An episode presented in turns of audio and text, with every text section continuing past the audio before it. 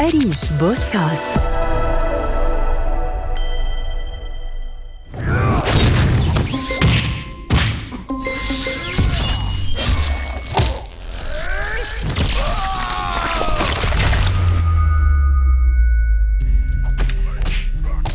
الطفل ما كان عنده أي منفس إلا إنه يضل على النت والألعاب الموجودة فيه. ما عنده أي منفذ ثاني. في عنا أضرار نفسية وسلوكية. العنف بسبب الألعاب العنيفة اللي بيلجأ الأطفال لممارستها بشكل مستمر. كل النصائح الطبية والدراسات اللي حاليا يعني تعد بآلاف تتعلق بالألعاب الإلكترونية لكنها لم تترجم على أي صعيد لا على صعيد وطني ولا على صعيد اجتماعي. ننادي ولا يسمعون نمر ولا يلحظون.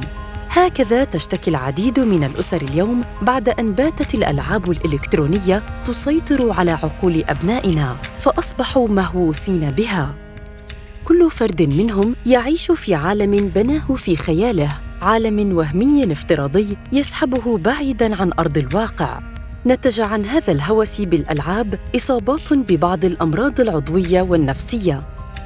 بالإضافة إلى كثير من المشاكل التربوية التي لحقت بالصغار.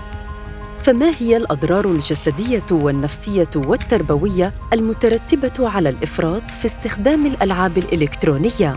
وما هو السبيل للتغلب على تلك المشاكل كي نحمي أطفالنا من تلك الأضرار؟ ميت وات من أريج بودكاست إعداد مالك العزة.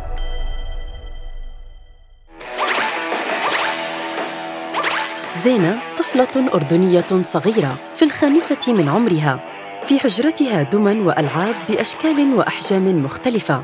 إضافة إلى بعض الألعاب الإلكترونية اشترتها أمها السيدة هالة عبيدات لتوفر لابنتها أدوات ووسائل للعب والترفيه للاستمتاع بطفولتها.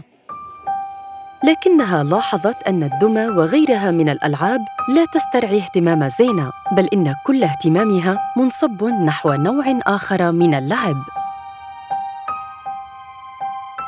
طفلة عمرها خمس سنوات.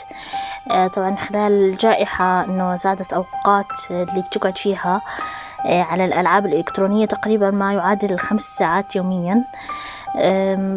يعني دائما بتضلها بغرفتها.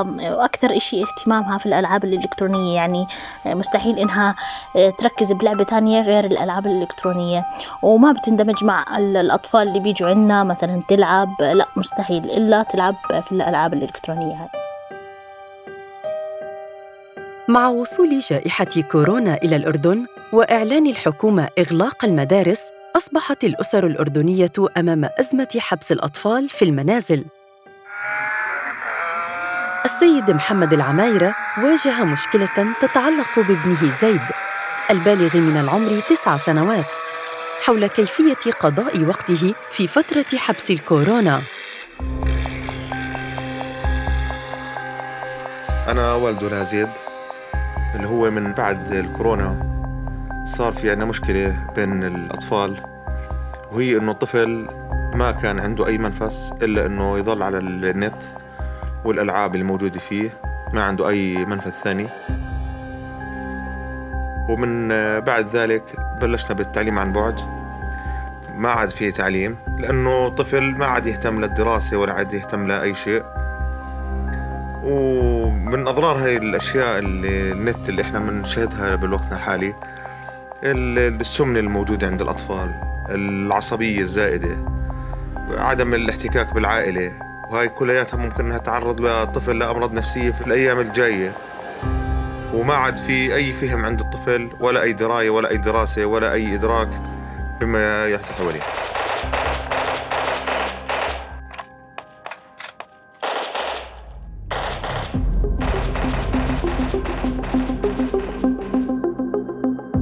تسبب حبس زيد في المنزل بسبب كورونا في إفراطه في استخدام الألعاب الإلكترونية مما أدى لزيادة وزنه إضافة إلى رغبته في الانعزال مكتفيا بالألعاب الإلكترونية. لم تكن تلك شكوى والد زيد وحده بل كانت الشكوى عامة. ذهبنا إلى الدكتور عماد الحطبة لسؤاله عن الأضرار الجسدية والنفسية المترتبة على إفراط الأطفال في استخدام الألعاب الإلكترونية. متعلق بالألعاب الإلكترونية وتأثيرها على الأطفال طبعا هذا الموضوع تم التطرق له طبيا يعني على مدى السنوات الماضية بشكل واسع. يمكن أكثر مشكلة بلشت في البداية الحديث عنها كانت مشكلة البدانة اللي هي ناجمة عن الجلوس لأوقات طويلة أمام الأجهزة وأنه بعض الأطفال توقفوا عن المشاركة في اللعب خارج المنزل والقيام بالنشاطات الرياضية والفعاليات اللي بتؤدي لأنهم بيخسروا الوزن. أضف إلى أنه خلال وجوده في المنزل كان بتناول كميات من الطعام أثناء اللعب. هاي يمكن أول مشكلة تم التطرق لها في مرحلة لاحقة ظهرت مشكلة أكثر يعني بدأت تظهر اللي هي مشكلة الاكتئاب. الأطفال هذول اللي هم عادة آه، بيعملوا على تنمية شخصيتهم من خلال التفاعل مع زملائهم وأقرانهم في الشارع أو في المدرسة. هذول بدأوا ينزووا بالتدريج آه، داخل غرفهم وعلاقتهم بالآخرين أصبحت علاقة من خلال الشاشة. فأصبحوا يعانوا من من مشاكل الاكتئاب عدم الرغبة في المشاركة في الحياة الميل البقاء لفترات ساعات طويلة داخل المنزل. تتطور الأضرار الناتجة عن الإفراط في استخدام الألعاب الإلكترونية لدى الأطفال من أمراض عضوية إلى أمراض أخرى نفسية. فتوجهنا إلى الدكتورة إيمان الخطيب اختصاصية الطب النفسي لسؤالها حول الأمراض النفسية الناتجة عن إدمان تلك الألعاب. في عنا أضرار نفسية وسلوكية من هذه الأضرار آه، الانطواء التوحد العنف بسبب الألعاب العنيفة اللي بيلجأ الأطفال لممارستها آه، بشكل مستمر آه، باليوم. خلينا نحكي عن الإدمان أيضا على هذه الألعاب وبالتالي صعوبة التخلي عن هذه الألعاب. آه، أيضا عندنا القلق والتوتر الدائمين مشاكل في الانتباه والتركيز.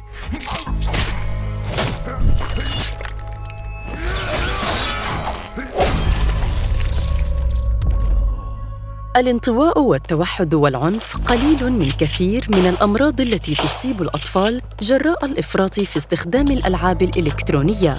اذا فالأمر جد خطير. فإذا تركنا زيد وزينة وغيرهما يمارسون اللعب عبر الوسائط الإلكترونية دون رقيب أو حسيب فنحن شركاء مع الكورونا والفراغ في مشكلة كبيرة تواجه الأطفال.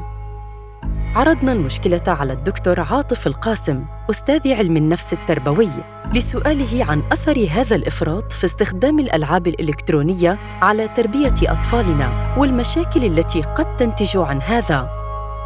الخبرة التي تقدم من خلال الألعاب الإلكترونية هي خبرة بصرية تعتمد على الإدراك البصري الحسي الأولي وبالتالي عمق عمليات التفكير الذي يتأتى من خلال القراءة ومن خلال الأنشطة الذهنية الأخرى لا يكون متوفر في هذه الألعاب.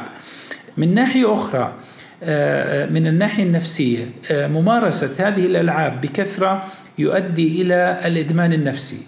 والإدمان النفسي هنا هو ارتباط الشعور بالسعادة بممارسة هذه الألعاب لأنه تصبح هرمونات أو النواقل العصبية آه، المرتبطة بالشعور بالسعادة مثل السيروتونين والميلاتونين. آه، آه، كلها مرتبطة بهذا السلوك. إذا لم يمارس هذا السلوك لن يشعر بالسعادة وبالتالي بتقل عمليات التفاعل الاجتماعي مع الوالدين مع الجدة مع الأخوال الأعمام الأصدقاء آه، المجتمع المحيط.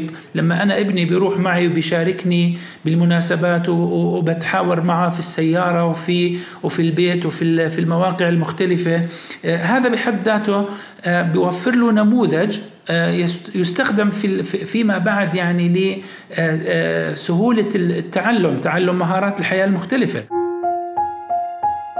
أضرار تربوية كثيرة تنتج عن الإفراط في استخدام الألعاب الإلكترونية إضافة إلى الأضرار الصحية والنفسية. فما هو دور الأسرة في حماية الأطفال من الوقوع ضحايا للألعاب الإلكترونية من وجهة نظر اختصاصية الطب النفسي الدكتورة إيمان الخطيب؟